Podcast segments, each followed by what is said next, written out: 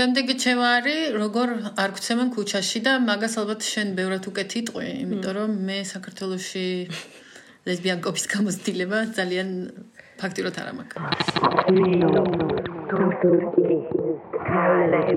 ძალიან არასერიოზული პოდკასტი. ძალიან არასერიოზული. ძალიან კასოველი პოდკასტია. მოვედი. არის ხოლმე ბევრი შემთხვევა, როდესაც მარტო ჩვენ არ ვხედავთ ერთმანეთს როგორც ქვიარებს.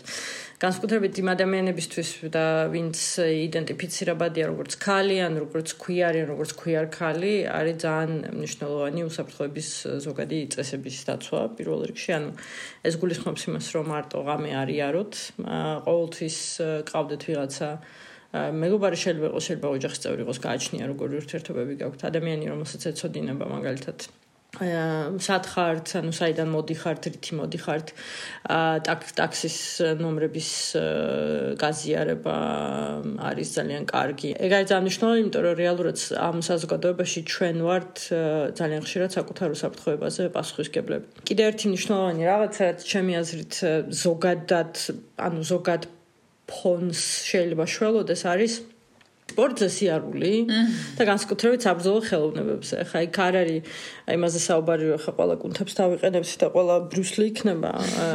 ან რა ვიცი დღეს ვინც არის ბრუსლის შესაძყვის ახალგაზრდებისთვის. ჰაჰაჰა, ბებერი ლესბიანკა. მაგრამ ზოგადად ქალების შემთხვევაში განსაკუთრებით სხეულის ენას ძალიან შველი შეგვიყურებენ ხოლმე. ის ადამიანები, ვისაც უნდა სხვაზე ძალადობა, გვიხედავენ როგორც მსხვერპლს.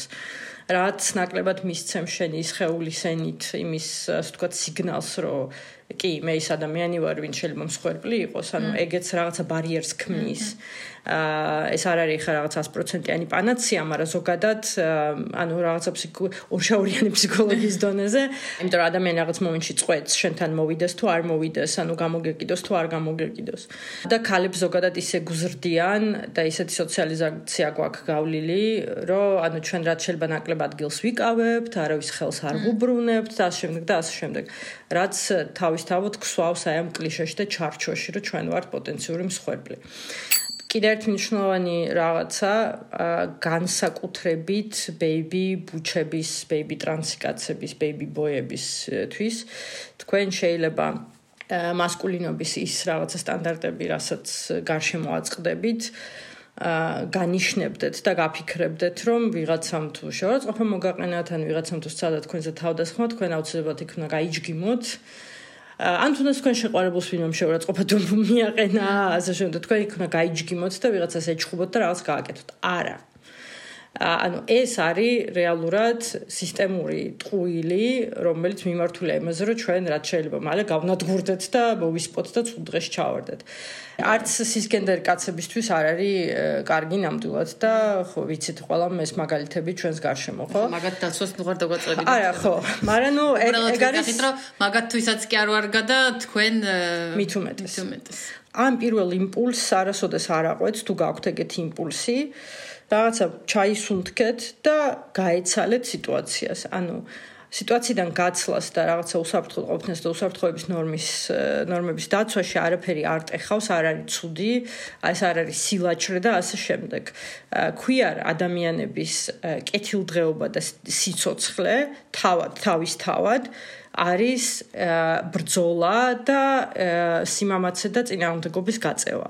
ჩვენ ქართველობას დავამატებ, რომ იმ შემთხვევაში თუ ესე იგი ვინცობა რაღაცა მოხდა და თქვენ გჭირდებათ მხარდაჭერა, თუნდაც ფსიქოლოგიური, სამართლებრივი და ასე შემდეგ, ის სათემო ორგანიზაციები, რომლებიც ჩამოთვალეთ, შეგიძლიათ უბრალოდ სოციალურ ქსელში მიწეროთ და მათ აქვთ ეს სერვისები უფასოდ და დაგაკვალიანებენ და დაგეხმარებიან. ანუ მნიშვნელოვანია რომ იცოდეთ რომ მარტო არ ხართ თუ კი რაღაცა მოხდა, მაგრამ იმედი არ არის პრალი არა. ხო და თქვენი ბრალი არ არის აერთო შემთხვევაში და ის ფაქტი რომ თქვენ გიწევთ საკუთარ უსაფრთხოებაზე ფიქრი, იმას არ ნიშნავს რომ თუ რაღაცა მოხდება, უნდა დასხდეთ ან ვიღაცას უფლება უნდა კონდეს რომ გითხრათ რომ აი შენ საკმარისად არის ფიქრე, იქ რაღაცა არ გათვალე, არ არის ეგრე რა.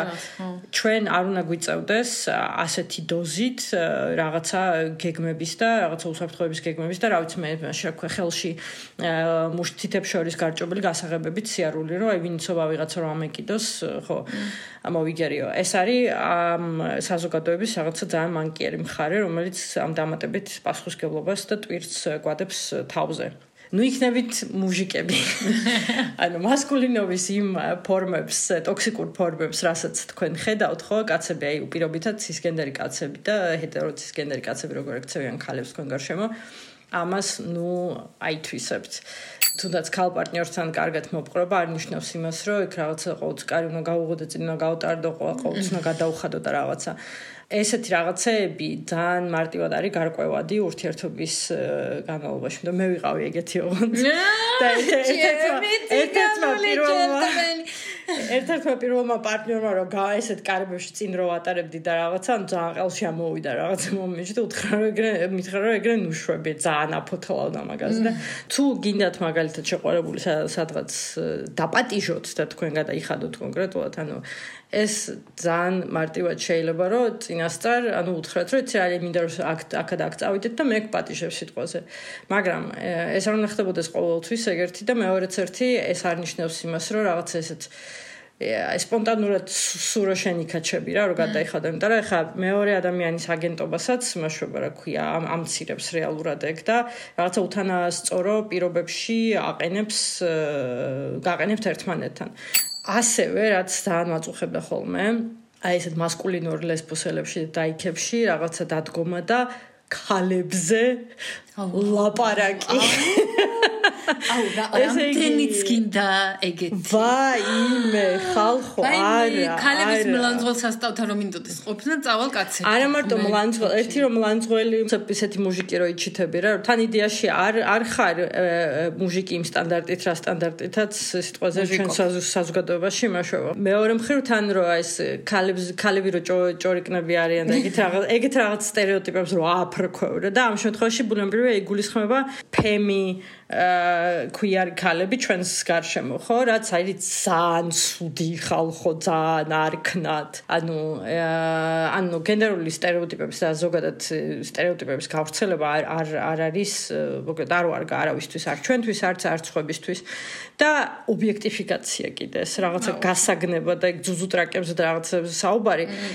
ისეთი ფორმით ზუსტად რა ფორმითაც აი მაგალითად თქვენ რო წარმოიდგინოთ რომ უსმენთ ვიღაცა ცის ჰეტერო კაცს როგორ ლაპარაკობს ქალზე ეგრე და იქრინჯებით და მე მიდიხართ და იგივე საკეთებთ ანუ ეს არის ისეთი ქცევა რომელზეც ხა რავი ჯვარი არ გაქვთ დაწერილი რა ძალიან მარტივად შეიძლება ამის გადააზრება და ამ ქცევის შეცვლა და საკუთარ სოციალურ წრეშიც ამ ქცევების შეცვლა და სხვანაირად ლაპარაკი. იშვიათად მქონია ეგეთი შემთხვევა, მაგრამ მქონია. მაგალითად ერთმა მითხრა, რომ მეო თუ გაგოცეო, მე ვეღარ გავჩერდებიო. ეგრე ზვირფასო ლესბოსელო. შენ ახლა მოკალი შანსი როდეს მე მაგოცებდი საერთოდ. ლესბიანკა მასწავლებლების გაკვეთა. თუდაც მაგასაც ხვდები რა, ეგრევე ხვდები ადამიანები, რომლებიც ცოტა განზედგანან თემიდანაც ზოგიერთ სხვა შორის, ასე რომ ხა მე მე ჩემს ალგობრო ქუიარები არ არიან. საერთოდ ანუ ერთმა გაგიმარჯვეთ ხა რა თქმა უნდა დეფინიცია იმისა რომ ადამიანი ქუიარია ვერ გახდება მაინც ადამიანს თქვენი მეგობარი რა თქმა უნდა, მაგრამ ცალკე კასტაა ეს სასტავი რომელიც არ ერევა. არ ერევა ხო. ქუიარებთან არასოდეს არ მეგობრებს. რატო მე რატო? ეგ ნიშანია ხალხო რომ რაღაცაში არის საქმე და კარგ რაღაცაში არ არის. აუ ერთი მე ერთი მყავდა რომ რა არისო ესო რას გვანანო? მე შეჭრილიო ხალი ხალსარაგას. და თვითონ გვიარი ამბდა. ნუ მუშიკობთ ხალხო, ნუ იქცევით სისეტერო კაცივით ტეხავს. ბროდესაც არის მაგალითად ბუჩფემ ურთიერთობა, ან რაღაც უფრო მასკულინური და უფრო ფემინური ადამიანების ურთიერთობა. ასევე, ну დაუწესებს თქვენს პარტნიორს იმის სტანდარტს, უნდა გაიპარსოს თუ არა ფეხი, უნდა გაიგეთოს თუ არა მაკიაჟი და ასე შემდეგ. ანუ ეგეც არის აი ტოქსიკური მასკულინობის გადმონაშთი, იმ მასკულ იმ ტოქსიკური მასკულინობის გადმონაშთი, რომელიც მათ შორის ჩვენ მასკულინურ რაღაცა ბუჩებს და დაიქებს არ გთulis ადამიანებად ზოგადად რა. ამიტომ საერთოდ არ არის არაფრით მიზან შეწონილი. მაგაზე ხო შეიძლება მეტყვი. კაი, ახლა რა სიტყვები შენ გავპარსავ ჯალი გევასება? ჩაუპარსა. ე, მეოსება. მე თვითონ არ გავყარსავ ჩავყარსავი ქალი ერთია პრეფერენცია გქონდეს და მეორე ეს პრეფერენცია ადამიანებს თავზე მოახვიო რა თქო და რო რავი რო დაინახე რომ ბანჯულელი ფეხები აქვს რაღაც კი რა მაგას გაეცალე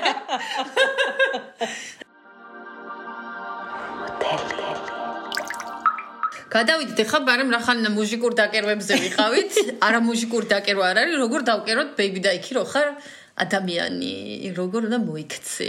მე არ ვიცი შენ იცი ეგეთი body language-ს ვერ ვკითხულობ აი მე მე რო მე რო ფლირტი ვიღაცა მე მაგიდაზე წინ დამინდოს ვერ გა ვერ დავინახა და ვერ გავიგებ რა არის? როგორ გაფლირტი შენი შეყარებული მაგრამ მე თვითონ ეს არაფერი თავიდან ვერ მივხვდი რომ ეს არის რა ქვია რაღაცა ფლირტს ქონდა მისი მხრიდან ადგილი რა რაღაცებს მწერდა პერიოდულად და რაღაც მაგალითად ახალი წელი მომილოცა და რაღაც და ჩემი პასუხი იყო და ეხა გავაჯავრებ მას აა მადლობა და მანდ დავამთავრე ლაპარაკი. ანუ ეს ძვირფასო, იმიტომ გავაკეთე რომ არ მეგონა რომ საერთოდ რამეში გაინტერესებ, მაგრამ ნუ მე საერთო სიტუაციაში მოვხვდით და ანუ მზერით მივხვდი და იმითი რამდენად ასე ვთქვათ ჩემთან ახლოს ტრიალებდა და ასე შემდეგ. ყველაფერზე თუ იცილის ადამიანი შენ შენ ნათქვამზე ძალიან დიდი ნიშანია და განსაკუთრებით სასაცილო თუ არა შენ შენ თვითონ ვერ ხვდები რა აცინას და ეს მაინც კი ანუ ესეთ კისკის ახასიათზე თუ დგება ადამიანი ესე იგი რაღაცაშია ხა ჩვენ იმას როგორ ეფლიტავს კი არის ახიან როგორ გეფლიტავებ პრინციპში ეგეც მნიშვნელოვანია რა იმიტომ რომ მიხვდე რომ აი ვიღაცა გეფლიტავა მე მაგალითად ძალიან მიჩვეული ვიყავი Tinder dates-ზე და აი ვიცოდი რომ უკვე მივდიოდით იმისთვის პირველ რიგში რომ იქნებ რაღაცა ფლირტს გამოუკლა თხელი, მაგრამ აი როგორც კი Tinder-ის გარეთ არის ხოლმე სიტუაცია, ძალიან ვიბნევი. აი მაგრა ვიბნევი. კი, მეც მეც ვიბნევი ხოლმე, მაგრამ მე კიდე და და იმას შევამჩნია ეს, რომ მაგალითად თუ ამჩნევ, რომ ადამიანი რაღაცა შენს ორბიტაზე ტრიალებს სულ რაღაცა მომენტში და რაღაცა საპატარ-პატარა საბაბებს პოულობს, რომ რაღაც კი, ანუ შენ შეგიძლია ანალოგიური გააკეთო, თუმცა არა არა აგრესიულად ასე ვთქვა, ხო? ანუ ადამიანის კისერზე არ უნდა ჩამოიკიდო ეგრევე და არ უნდა აიკიდო და რაღაცა დასტაკო, მაგრამ რაღაცნაირად ზომიერად შეიძლება რომ მის ორბიტაზე იყო და ნახო რა სიგნალებს მოგცემს. ელემენტარული არის რომ დაინტერესდე ადამიანით და საუბარი გაუბარა და ნახო თუ მოდის იქიდან ინტერესი თუ არ მოდის. ახლა თუ იმ ადამიანისგან არ მოდის ინტერესი ხა მართლა რას იზავ ხო? ანუ და თუ შემჩნეთ რომ ლაპარაკზე მოყვებათ, თუ ხედავთ რომ რავი არის საშუალება რომ გაჩნია სიტუაციას, ხო შეიძლება ის იყოს ფარტი, შეიძლება ის იყოს გარეთ ახართან რაღაც ყავაზე წავიდეთ, იქიდან გამომდინარე თუ რა სიტუაციაში ხართ, მაგრამ ყოველთვის კარგია რომ გადაამოწმოთ ზუსტად რომ არა მოჟიკურად, რომ ხანდახან გეჩვენება რომ ეს ფლირტია, გადაამოწმოთ რომ ფლირტს აქ ნამდვილად ადგილი მე ვერბალიზაცია ძალიან მეხმარება. ხო. warning ვიღაცებს არ უყვარს ვერბალიზაცია და ძალიან დარწმუნებულია რომ ძალიან ბევრი შანსი ჩავაგდე. ვერბალიზაციას ვაკეთებ როგორ ხარ? რომ რატო ყავს მეჩვენება რომ მე გეფლირტავები ხა. ანუ სადღაც შევაგდებ. ხო ფლირტავობთ ორივე ხა და ერთ ერთგვარად რაღაც თანხმობის შემოტანა თვითონ ფლირტავების პროცესში ეს ხოთშორ ერთმა ჩემმა დეითმა გააკეთა. ჩვენ ხა აშკარად ფლირტავთ ხომ ორივე და ხო მეთქი? ანუ დარწმუნებული არ ვიყავი მომენტში რომ თვითონ თუ მე ფლირტავებოდა და უცებ დადასტურდა რომ თვითონაც მე ფლირტავება მახსოვს როგორია ეს ახალი შეყვარებულობები და ძალიან ემოციებში რო ხარ და ან ახალ ახლად გაქვს საკუთარი ასე ვთქვათ იდენტობა აღმოჩენილი და მასთან რაღაცა დაზავებული არიყავი აქამდე სიტყვაზე და ეხლა ხარ ან უბრალოდ შეიძლება ახალგაზრდა ხარ და თვალებს ჩავ თვალებში ჩავხედოთ რეალობას გამოცდილება არ გაქვს სიტყვაზე. ხო ემოციები არის ძალიან ბევრი და ძალიან დიდი და შეიძლება ვიღაცა შეხვდე. დაიწყო მასთან საუბარი გაცხოვოთ რაღაცა ეგ სოციქსელის რაღაცეები ან ნომრები არ შეუვარდეთ ეგრევე რაღაცა სიყვარულების ახსნების. ანუ ეგ რეალურად არც არც შენ არ გარგებს და არც მეორე ადამიანს არ არგებს და არც იმ პოტენციურ ურთიერთობას, რომელიც შეიძლება გქონდეთ, ხო? მოკლედ ესეთი დიდი ემოციები რო შემოგაწვება, ჯობია ითრიოთ რომელიმე მეგობარი და იმას ცოტა ხანი ტვინი უხნათ იმითი რამდენად მაგარი ხო, ეს არის მეგობრის ვალი. მეგობრებს ურჩევთ ამ დროს უბრალოდ ცოტა ხანი მოისმინონ ერთხელ ორჯერ სამჯერ მე უკვე თავისით დაიწყება რაღაცა ეკრჩევების მიცემის ან რაღაცა კითხვების დასმის და გასვლა გამოცვლის საშუალება. მანამდე უბრალოდ ტვინი გადაკეტილია. ექსპერტული რჩევები, ლესბიენ, ლესბიენ, ლესბიენ. Barrier-ის მოხსნა შეეცადეთ კიდე, ანუ ეს სამნიშნულოვანია, რომ ცოტა შორიშორს თუ ხართ, რა ესე ხელის მოკიდება, რომ აი ოღონდ სადმე ისე მხარზე ან რაღაცა აი რა ეგრე ვაიმე ეგეც გამიკეთა იმ ტრაქზე და იმ მუშიკმა გამიკეთა ძუძუებზე იმ და მუშიკმა გამიკეთა ხო იცი ანუ გვერდით ჩავარი და ტრაკიდან და კეფამდე ხელი ამისვა მე გეს ვერ არის აიმე ხო, ანუ შეხების ბარიერის გადალახვა კარგია, მაგრამ და ნორმალურად ეხლა პარიატკაში და იმის პარკლებში რა ქვია. ნორმის პარკლებში, ანუ შეხება ელემენტარული როგორც მეგობარს შეხები რა და ნახოთ და ჯერტი ამ შეხების ბარიერით ხა ვიღაცებს ძალიან ლიმიტირებული, ძალიან ინდივიდუალურია რა, ვიღაცას საერთოდ შეხები და მე მაგათ ყოველას ვეხუტები სიტყვაზე რა და ბევრი წელი დამჭირდა რომ მივხვდარიყავი რომ შეიძლება რომ შეგეხუტო ვიღაცას ვკითხო. როგორ გქონდეს პირველი სექსი? ძალიან სოველი პოდკასტი. ო, მაგაზე ჩვენი პირველი სექსები გვაქვს ორივეს ნათქვამი და ნალაპარაკები რა. ანუ მე პირადად ძალიან ღიათ ეგრევე ვუთხარი, რომ არასოდეს არ მქონია პირველი შემთხვევა და სინჯულობ. ჩვენთვის ეს ხადი იყო, რომ პირველი იყო თუ ჩემი პირველი სუსუ პირველი პარტნიორისთვის არ იყო ეს პირველი და მე გვიცოდი და იმანაც იცოდა რომ ჩემს პირველი იყო. ეხლა კითხვა გამო კითხვა მაქვს ასეთი, ალბათ ბეიბი დაიქიროება მექნება ეგ კითხვა. საჭიროა რომ ვთქვათ, რომ პირველი სექსია? იცი რა არის ანუ ჩემი გადმოსახედიდან ახლა მთლად ეს აი წესია რომელსაც არ უნდა გადაუხვიო არ არის მაგრამ მე მგონი რომ ჯობია რომ ითქვას იმიტომ რომ რაღაცა რაღაცა მომენტში შეიძლება იმ თან პირველი რო არის შეიძლება იმ დნად ღელავდე და რაღაცა რომ ეს პარტნიორისთვისაც გასაგები გასაგები იქნება. ან იმისთვისაც პირველია და ისიც ღელავს და ეს დაეხმარება იმაში რომ მიხვდეს რომ მარტო არ არის და ორივე ღელავთ და ცოტა სიღელებთ და მე ნუ გადალახავთ და იპოვით რაღაცა დინამიკას ერთმანეთთან.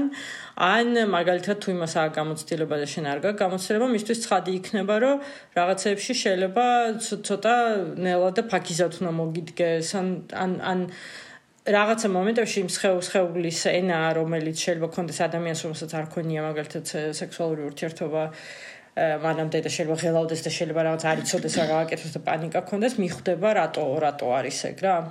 ამავე დროს ხა თავი არ უნდა იგრძნო დამნაშავეთ რომ ჩემი პირველი სექსია და ხა მან ვალდებული არაფრის არ ახართ ხო თავისთავად. დიდი ალბათობით შენი პირველი და მეორე სექსი ერთნაირი იქნება ანუ ნუ გააჩნია რა სვიდ რა სვიძახით რა ხა ჩემთვის მაგალითად მე ძალიან მღელავდი იმიტომ რომ მართლა არ ვიცოდი. და მინდა ნაგუგლი მქონდა და? თან მაგ დროს ხალხო ინფორმაცია არ იყო მაინც და მაინც ბევრი. ანუ ეხა კიდე გაცილებით ფორმეტია განსხვავება პირველ და მეორე სექს შორის იყო ის რომ დაახლოებით ასე ვთქვათ აღარ ვღელავდი ისა და ვიცოდი. რაღაც ანუ ჩემი ჩემთვის უსაფრთხო იყო იმ ადამიანთან ერთად შიშლად ყოფნა თუნდაც, ხო? ყოფნა თუნდაც და დაახლოებით ხვ- ხვდებოდი რა უნდა გამაკეთებინა რა შეიძლება გამაკეთებინა რა. ხო. ანუ ეგ ახლა ძალიან ბევრისთვის ნერვები დამოწყნარებელი არის ნამდვილად თორე ხა გამოცდილება ხა იმ პონჩი რომ რაღაცა არიქა და უცებ სექსში ძალიან კარგი გაიჩნდები და რაღაცა ხა ეგ ძალიან პირობითი ძალიან კარგი ცნება მოვიშალოთ რა ხალხო არ არსებობს ეგეთი რაღაცა სექსში ხან ძალიან კარგი ხარ ხან ძალიან ზურდი ხარ. ძალიან ერთ რაღაცას გააჩნია. ანუ იმდენ იმდენ რაღაცას გააჩნია ერთი ერთმანეთთან შეხმატკმილებას შეწყობას გააჩნია ტემპერამენტებს გააჩნია ხასიათს გააჩნია. ანუ ამოიგდეთ ეგ თავიდან რომ ვიღაც ცუდი არის ან ვიღაც კარგი არის. ნუ ახლა ვიღაცები არის რომელმაც უბრალოდ მოსმენა არიციან. კი არსებობს ეგეთი რაღაცა მაგრამ კითხე ადამიანს რა უნდა და გეტყვით. ალბათ მეორე პანიკა ისა რომ მე თუ მკითხა რა გინდაო? თქვა ვერბალიზება თუ გიჭირთ შეგვიძლია ხელით მიანიშნოთ მოძრაობით მიანიშნოთ რაღაცებით და განსაკუთრებით თუ რამე არის უსიამოვნო სიტყვაზე, ხო? აა ვაიმე არ დააფეიქოთ არა. ორგაზმები არ დააფეიქოთ ხალხო. ეს ეს რჩევა გვაქვს ერთი ჩვენი მეგობრისგან, რომელმაც რომ- რომელმაც დააფეიქა ორგაზმი თავის პირველ სექსზე და იმ ხალმა მოხედა და უთხრა რატო შვები. ხო მე ცოტა კონტროვერსიულ რაღაცას ვიტყოდი ზოგადად ეს general rule რასაც ქვია ხო ორგაზმების დაფეიქება არ არის კარგი არის თქვენთვის არც პარტნიორისთვის იმას ნიშნავს რომ რაღაცა კომუნიკაცია არ არ, მუშაობს მან მაგრამ თუ თქვენთვის იმ მომენტში იმის თქმა რომ იცი რა მე ვერ გავათავებ და ну it's okay for me რაღაცა უფრო მეტად სტრესულია ვიდრე იმის დაფეიქვა და ამ სიტუაციიდან იმ მომენტში გამოსვლა კიქენით მაგრამ ანუ ეს არ უნდა იყოს არავითარ შემთხვევაში სისტემატიური ხასიათი, ანუ აუცილებლად უნდა იპოვოთ როგორ როგორ გქონდეთ კომუნიკაცია ამ ამ საკითხზე რა. საერთოდ მაგ თემაზეც ვთქვათ რა, ესე დიდხანს ვერ ვათავებ, არ არსებობს ხალხო, ანუ გქონია შენ თავზე ეგ ამბავი, მე მქონია ძალიან ხშირად, ვაი მე რამდენი ხანი ვერ ვათავებ და და შენც მე ძალიან გქონია. სწრაფად ვათავებ ზოგადად. Sorry. გააჩნია, მაგრამ აი ადამიანთან არ პარტნიორთან არ ვისაც, ყოფილა, ვისაც ეგ არ ეგონა რაღაც მომენტში და ეს რეინჯი რამხელა იცი დიდი ხანი ვერ ვათავებ, რომ შეიძლება ვიღაცისთვის 5 წუთი იყოს, ვიღაცისთვის 5 საათი იყოს და ოდესმე მე გბეზრდება ამ ადამიანს. არა, არა და ანუ ეგ არის მომენტი რომ არ ანუ გბეზრდება, ანუ ეს რო იცოთ, baby და ეკებისთვის რჩევა, ანუ სექსში არის ეგ რო ეს ერთი რომ არავინ არ ეხლება ჩვენ ვართ მაგისთვის რომ ი- ვიყოთ მანდ, ანუ ნუ ნერვიულობთ. ესპოსალის პირდაპირ დანიშნულება. და მეორე რიგში ძალიან ოკეია რომ არ- ანუ სექსის მიზანი არ არის გათავება. და სრულიად ოკეია რაღაც მომენტში თქვათ რომ მე ჩემი პირველი გამო ერთ-ერთი პირველი გამოცდილება იყო მახსოვს ეგ ანუ შემომხედა მან და მითხრა რომ მე ვერ გავათავებ დღესა და ვიფიქრე ვაუ Georgian language basic vocabulary. I'm ready. მუტელი. Swear, swear, swelly, swelly, swelly. Is that good? Too good. I can leave and come back. მეგობრებო, აქ კიდევ ერთი ნაწილი გქონდა და დაგვეკარგა. ცოდვა გამხელილი ჯობია. ამიტომ მთელი ზაფხულით უნდა დაგემშვიდობოთ. კარგად იყავით. იყავით გეები და მშვენიერები. არც ერთი იყო შვედი და არც მეორე ფრანგი. სანთელი ღმერთი ორივენი წყალწახებული ლესბიანები იყვნენ და თქმული საქართველოსთან. სამშობლო